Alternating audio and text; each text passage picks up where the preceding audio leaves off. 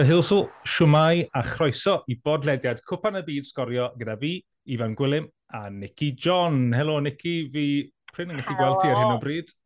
Ble i ti? Mm, na, wel, mae'r glamour sydd yn dod yn nghlwm a'r swydd yma jyst yn ddi ddiwedd yn dydy.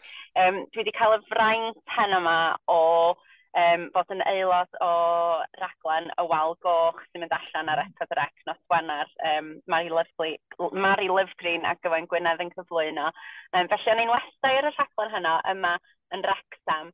O'n i wedi parcio mewn rhyw multi-story um, a wedyn sylweddoli cyn, cyn i ni bwysau y cod. O, oh, reit, oce, okay, mae'r maes parcio yma ar fi'n cael. Um, so dwi'n eistedd tu allan i home bargains, y maes parcio yma fanna just dros ffordd i tu pawb i unrhyw un sy'n gyfarwydd efo'r exam um, ac yn gobeithio bod gennau i ddigon o signal i fynd â ni drwy'r benod nesaf yma. Ie, yeah, signal a batri gobeithio gyda ti, full charge o'r batri yna. Gobeithio. Wel, falle gan bod ti out and about, falle bod ti ddim up to speed gyda popeth, falle bod chi adre ddim up to speed gyda popeth, felly dyma'r penawdau. Sioc y dydd oedd bod Tunisia wedi curo Ffrainc o gol i ddim. Doedd hynna ddim yn ddigon i aros yn y gwplan yn anffodus wrth i Australia gamu fewn i'r ail rown trwy giro Denmark o gol i ddim.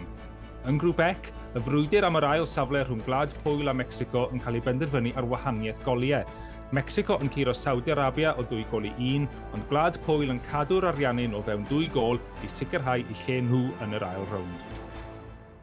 Ie, prynhawn ma o Australia, Denmark a Tunisia, Ffrainc. A Ffrainc wedi sicrhau lle nhw yn yr ail rownd ar ôl eu dwy gêm cyntaf nhw, felly wedi gorffwys rhan fwyaf o'r tîm cyntaf. Um, oedd bron neb trwmeni falle, oedd yr unig un uh, o'r 11 cyntaf yn chwarae. Hynna wedyn wedi agor y drws ar gyfer Tunisia a fi'n falch iawn dros nhw. Yn ennill o gol i ddim, nhw'n cael y fuddigoliaeth yna. Gymaint o hanes rhwng y ddau wlad, uh, fel o'n i'n gweud ar y pod ddoe, arfer bod nhw'n rhan o'r un wlad, gyda 1957, so felly just cyn i Gymru chwarae yn Cwpan y Byd 58, uh, nath Tunisia dechrau chwarae yn annibynnol.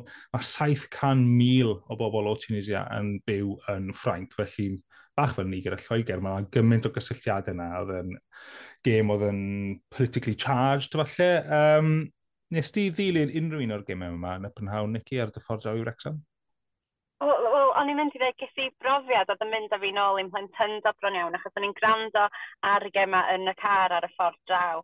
Um, Dwi'n cofio bod yn blentyn ac yn gorfod gwrando ar gema yn y car, achos ar bnawn sas yn neud bnawn syl, oedd oedd mam eisiau mynd i siopa neu mynd allan i rywle ac oedd dad eisiau gwrando ar y gêm. So oedd o'n mynd â fi nôl i hynny ac oedd o'n reit gyffroes i ddeud y gwir. Um, yn enwedig, dod, di sgôr yn y ddwy gêm ar yr hanner, ond yn ystod yr ail hanner wedyn, clywed nhw'n croesi draw um, ar gyfer y gol na Tunisia newydd sgorio a be oedd oblygiadau hynny i'r tabl bryd hynny. Um, a wedyn wrth gwrs Australia yn sgorio a hynny yn golygu so, bod nhw nôl yn ddi fel yr, fel yr ail dîm. Um, dwi'n meddwl so, ti'n crybwyll Ffrainc yn fanna, y Ffrainc welson ni heddi yma. Mae gymaint o mateb. Um, so, ydyn nhw chydig bach yn coci yn meddwl bod nhw'n mynd i allu fynd allan ta. Oedd o just, oedd o'n gêm oedd ddim yn, ddim yn bwysig ydyn nhw, oedd nhw wedi gwneud y gwaith calad. A, dim ond ar ddiwedd y gêm, pan o'n i'n clywed bod bo Griezmann di sgorio felly, o, so, ti'n teimlo dros Tunisia, achos bod nhw'n mynd i gael y buddigoliaeth hanesyddol yma. A wedyn un o'r penderfyniadau hira yn holl hanes VAR, dwi'n meddwl wedyn yn dweud, o, actually, oedd y gol ddim yn cyfru. Um, a bod nhw, bod nhw wedi cael uh, y fuddigoliaeth, wel, sy'n mynd i fod yn fuddigoliaeth enwog iddyn nhw dros Ffrainc. A wedyn yn sylweddoli, wel, actually, er gweitha hynny, diolch yn ddigon iddyn nhw, achos bod Australia wedi cyrra Denmark o gol i ddim. Um, felly, oedd gwrando ar yr, wel, yr, yr, hwyliau newid yn y naill sylwebeth ar llall, a'r um, yr hwyliau yn y stadiwm hefyd, yn, yn dipyn o brofiad ar steithio draw i'r exam hynna. Ie, yeah, fi'n siŵr yn y stadiwm, faint bydde pobl yn gwybod beth oedd yn gwybod digwydd yn y gemau eraill. Bob tro fi mewn stadiwm, mae signal fi'n yn diflannu'n llwyr am y reswm. so, dod, mae'n trial cael y gwybodaeth uh, up to date a dod, bod y drystod yna, uh, drystwch yna'n digwyddodd gyda Griezmann yn sgorio'n rili really hwyr i torri colonnau Tunisia a mor hir cyn bod VAR yn dod a gofyn i'r dyfarnwr fynd i'r cash point i checo. Ie, um, yeah, fi siŵr byddai bod y dryswch, uh, hyd yn oed i fi, oedd yn cael gyda'r ffasgos yn gweithio eitha cyflym. Uh, oedd e'n, um, yeah, mynd a dod mae pethau yn ystod y gêm yma i gyd ar hyn o bryd o ran pwy sydd yn eistedd yn yr ail safle neu pwy sydd yn eistedd dod yn y safle oedd i fynd trwyddo. A ie, yeah, Australia sgorio nhw bron o bod yn syth ar ôl i Tunisia um, sgorio, agor no. sgorio neu yn Ffrainc. Um, gol unigol dda gan Matthew Lecky fe oedd y gwaniaeth rhwng Australia a Denmark ac y ddigon i ar Australia i'r ail rownd tu ôl i Ffrainc. Uh, ailwaith yn eu hanes nhw i nhw gyrraedd mor bell 2006, lle nath nhw golli un i ddim i'r enillwyr yr eidl. Um, felly, wel, na i ddim spoilo y surprise, um, am ti pwy maen nhw'n chwarae, newn ni ddod i siarad am ti, beth i bydd oedd yn grŵp bec wedyn ni. Ond uh, jyst cyn bod ni yn neud, o'n i'n moyn gair am Denmark sydd fel Cymru yeah. yn gorffen ar un pwynt, um, un gol sgoriwyd er oedd hwnna in open play yn erbyn Ffrainc, bach yn well ni, a gathen nhw llwyddo i gael llechen lan hefyd, which wnaethon ni ddim, ond ie, uh, yeah, mae fe'n un cwpan byd siomedig i Denmark, oedd tipyn o bobl yn disgwyl gwell wrthyn nhw. Ydy, so fel ti'n dweud, oedd so, sawlin, dwi'n meddwl, yn enwedig ar ôl um, llwyddiant nhw yn yr Euros a hefyd y raman nad yn perthyn efo'r ffaith o bod be ddigwyddodd efo Christian Eriksen a'r ffaith bod o yn holliach diolch byth erbyn hyn ac yn chwarae. Um, dwi'n meddwl bod ambell un wedi ffansio nhw fel y uh, dark horses da ni wedi trafod ambell waith. Um, ond uh, mae yna rhywbeth yna ar hyn o bryd um, sydd ddim cweit yn taro deuddag a ydy hynny, alla jyst, wel, da ni'n gwybod yn hynna'n fel Cymru, yn dydan, da ni, da ni, mae yna gymaint o ystadegau yn ystod y gysgod leis yma, da ni'n rhannu hefo nhw. Um, ydy'r ydy pwysau weithiau, ydy'r disgwyliad ar sgwydd ar rywun, jyst yn, yn cael effaith, um, neu ydy o fel da ni wedi trafod o'r blaen, os wyt ti'n so ti'n digon anffodus i fod yn cychwyn ar y droedol, mae'n dalcan caled wedyn yn dydy. Um, ond on, un o'n hoff bethau dwi wedi clywed drwy'r dydd heddiw yma ydy cyfweliad rheolwr Australia ar y chwifen ola. Mae, os ydych chi ddim wedi clywed o, mae'n jyst fel clywed Mixon di yn siarad. Um, Oedd o'n briliant. Felly nes i really enjoy hwnna.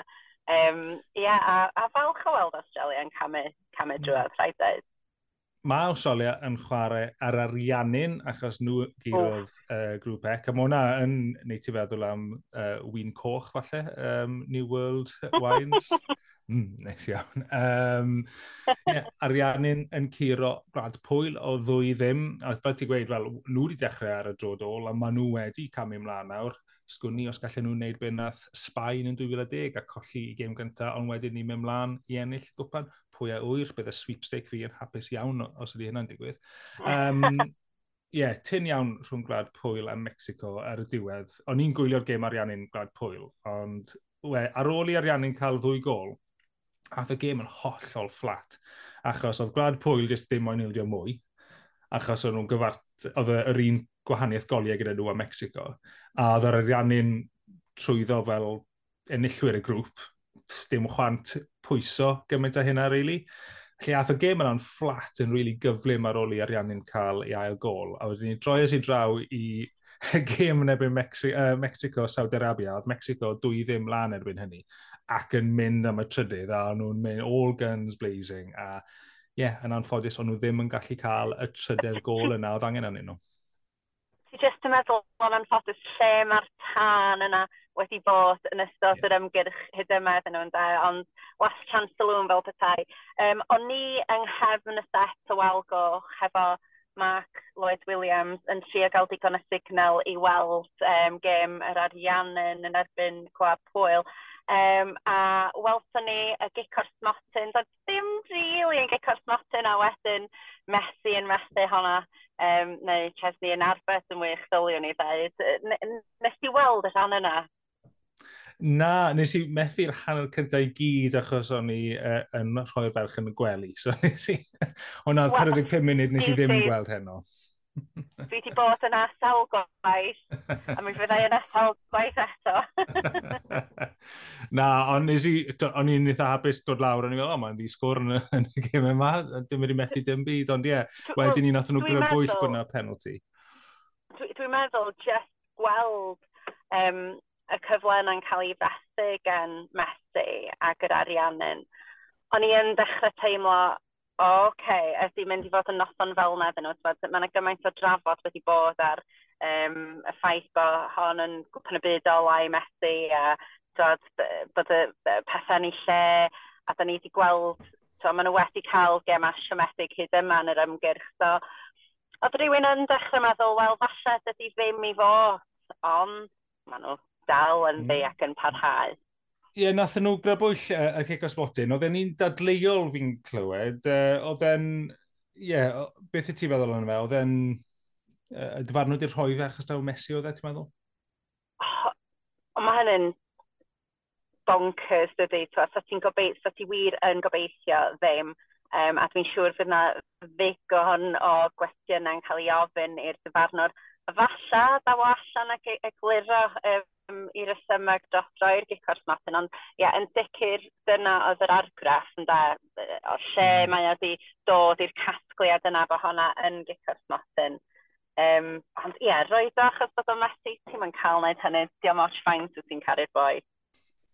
Wel, ie, yeah, byddwn ni, ni ddim yn syni. Um, un beth nes i weld uh, so, tra, yn, y, yn yr inset na pan nhw'n dangos uh, beth sy'n digwydd yn y gêm arall, tra bod fi'n gwylio gêm ariannin, oedd uh, ail gol Mexico. Cecrydd Luis Chavez, a mi oedd hi yn wych. Uh, felly os chi hebol hwnna, ewch chi chwilio amdani Luis Chavez i Mexico. A ie, yeah, oedd Mexico yn pwyso am y trydedd gol ac uh, yeah, yn y munud ychwanegol Salem Aldawsari fy, fy hoff chwaraewr i o Saudi Arabia, erbyn hyn, yn cael gol fach i Saudi Arabia i uh, dorri calonau e Mexico. Er, oedd e dal yr un sefyllfa gyda nhw, os byd nhw wedi cael un gol arall, byd nhw dal trwyddo. Um, ond ie, yeah, gwlad Pwyl sydd yn mynd trwyddo, maen nhw'n chwarae yn erbyn Frank yn yr ail rownd yn uh, Mari Cwri Derby.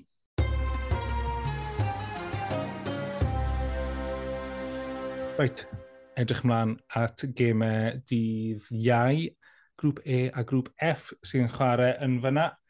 Lly, grŵp E, Japan yn ebyn Sbaen, pwynt yn ddigon i Sbaen i fynd trwodd, uh, wedi iddyn nhw uh, ennill i gêm gyntaf yn hawdd uh, a gêm gyfartal yn ebyn Almain. Almain yn chwarae yn ebyn Costa Rica yn ail chwarae gêm agoriadol Cwpan y Byd 2006. Ti'n cofio hwnna, Nicky? Um, ddyliwn ni fod, dwi'm, ond dwi'n yn gwybod os dwi, ond wedi dweud hynny, bydd yn aml dyddi yma, dwi'n cofio be nes i ddoe heb sôn am be nes i nôl yn ei ddiwedd chwech. Wel, yr unig, yeah, unig beth fi'n cofio am hwnna yw gol wych Philip Lam, sef y gol gynta o'r uh, tournament yna, yn gol o gornel uh, Cwrt Cosby. A nes i edrych nôl arno fe heddi, a mi oedd hi'n gol wych. A be fi ddim yn cofio'r gêm hmm. yna, ond oedd yna gol well i gael yn yr ail hanner gan Torsten Frings. Uh, ewch i weld y gêm yna, achos um, anebygol bydd gêm Costa Rica ar Almain Fori, yr un mor dda hwnna, mi oedd hi'n beder i ddwy erbyn y diwedd. Uh, tro hyn, mae rhaid i'r Almain ennill, uh, neu hwn fydd ei gêm ola nhw yn uh, gwpan. Ti'n disgwyl nhw gyr o Costa Rica, ddo? Fi'n gwybod gath nhw'r siom na erbyn Japan, ond mae rhaid. Dyma lle mae'r dyma lle mae'r sgwrs yn mynd, wel, ddim yn anodd, ond twad, os ti'n meddwl yn ôl i bob, bob pwrpas, twad, pwy fydd yn meddwl ar ddechrau'r ymgyrch bod ni'n cyrraedd gêm ola'r grŵp, bod ni mewn sefyllfa lle mae bob un dal yn gallu cyrraedd. Um, pwy fydd yn meddwl bod ni'n gweld Costa Rica yn colli o saith gol yn erbyn Sbaen, ond dal yn ddyn i gêm nesaf nhw wedyn, pwy fydda meddwl fydden ni, fydden ni'n gweld Japan yn cael y gorau o'r Almain, a bod al, yr Almain ar wylod y grŵp. Mae yna ma, gymaint o surprises wedi bod, ond mm. so ni'n meddwl yn enwedig ar ôl cael gêm gyfartal yn erbyn uh, Sbaen, mae'r Almain yn... Mae gennym nhw bwynt i brofi, dwi'n meddwl, yn does. Mae gennym nhw bwynt i brofi bod nhw'n dal i heiddi i fod yna hefo'r mawrion ac yn cystadlu ar y lefel ycha, a fysa mynd allan ar y pwynt yma iddyn nhw yn tangyflawni, yn llwyr, yn brifo, um, a mae'n anodd, mae'n anodd gweld Costa Rica yn cael y gorau allan ohonyn nhw. Yn enwedig, fel dwi'n dweud, dwi'n dwi gwybod dwi wedi dweud ar blaen, ond pan ti'n meddwl yn ôl am colli o saithol i ddim yn erbyn Sbaen, o gen i ddim disgwyliadau o gwbl o Costa Rica ar ôl hynny. No. Um, ond yn amlwg, twad, nath nhw ddod drwyddi yn erbyn Japan. Dwi ddim yn gweld yr Almain yn colli yn erbyn Costa Rica. Na, fi'n fi cytuno, a fi'n fi meddwl bydd Sbaen a'r Almain yn ennill i gemau dydd iau, a tawn nhw fydd yn mynd trwodd, felly dim siocs yn y grŵp yna. Fi yn meddwl, yn y grŵp nesaf, grŵp F, ta'r sioc mwyaf fydd Gwlad Belg ddim yn mynd trwodd. Fi, fi'n gwybod beth i gweud e, sawl gwaith yma yn ystod o'r pethefnos fetha, maen nhw'n chwarae mewn Croatia, a mae angen i nhw ennill.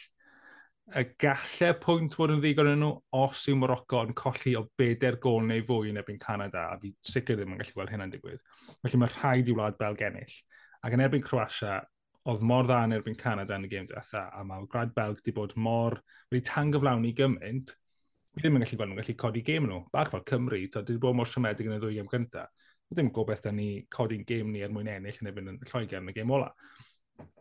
Felly ie, yeah, fi'n meddwl Croatia i ennill yn erbyn Gwlad Belg yn y diwedd dydd iau, a Morocco i ymuno gyda Croatia yn, yn yr ail rownd a gan giro Canada, dyna fi'n gweld, beth ti'n meddwl?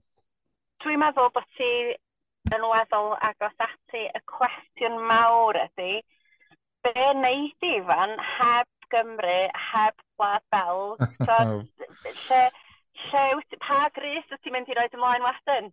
Uh, mae gyda fi un iseldirod, falle honno fi ddi, neu fel, fel o'n i'n gweud, falle na i just stick o gyda sweepstick fi.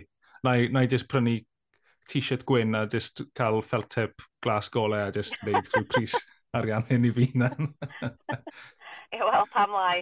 Tro Messi ar y cefn a fydd e yn iawn, dyma dy gyflol a di. Wel, diolch, uh, Nicky, am ymuno da fi o'r carpac yn Wrexham. o croeso, diolch. Dwi jyst yn gobeithio fydd na ddim slip road ar gael ar y ffordd o yma wan, neu mae gen i siwrna hir iawn ymlaen yn ôl adre i Gynarfon. A diolch i ti adre am ymuno gyda'r ddau o'n i hefyd. Fyddwn ni'n ôl uh, tro nesaf fel yr arfer i sôn am yr holl gemau sy'n digwydd yng Nghwpan y Byd ac i edrych mlaen at y gemau nesaf hefyd. Ond tan hynna, ffarfel.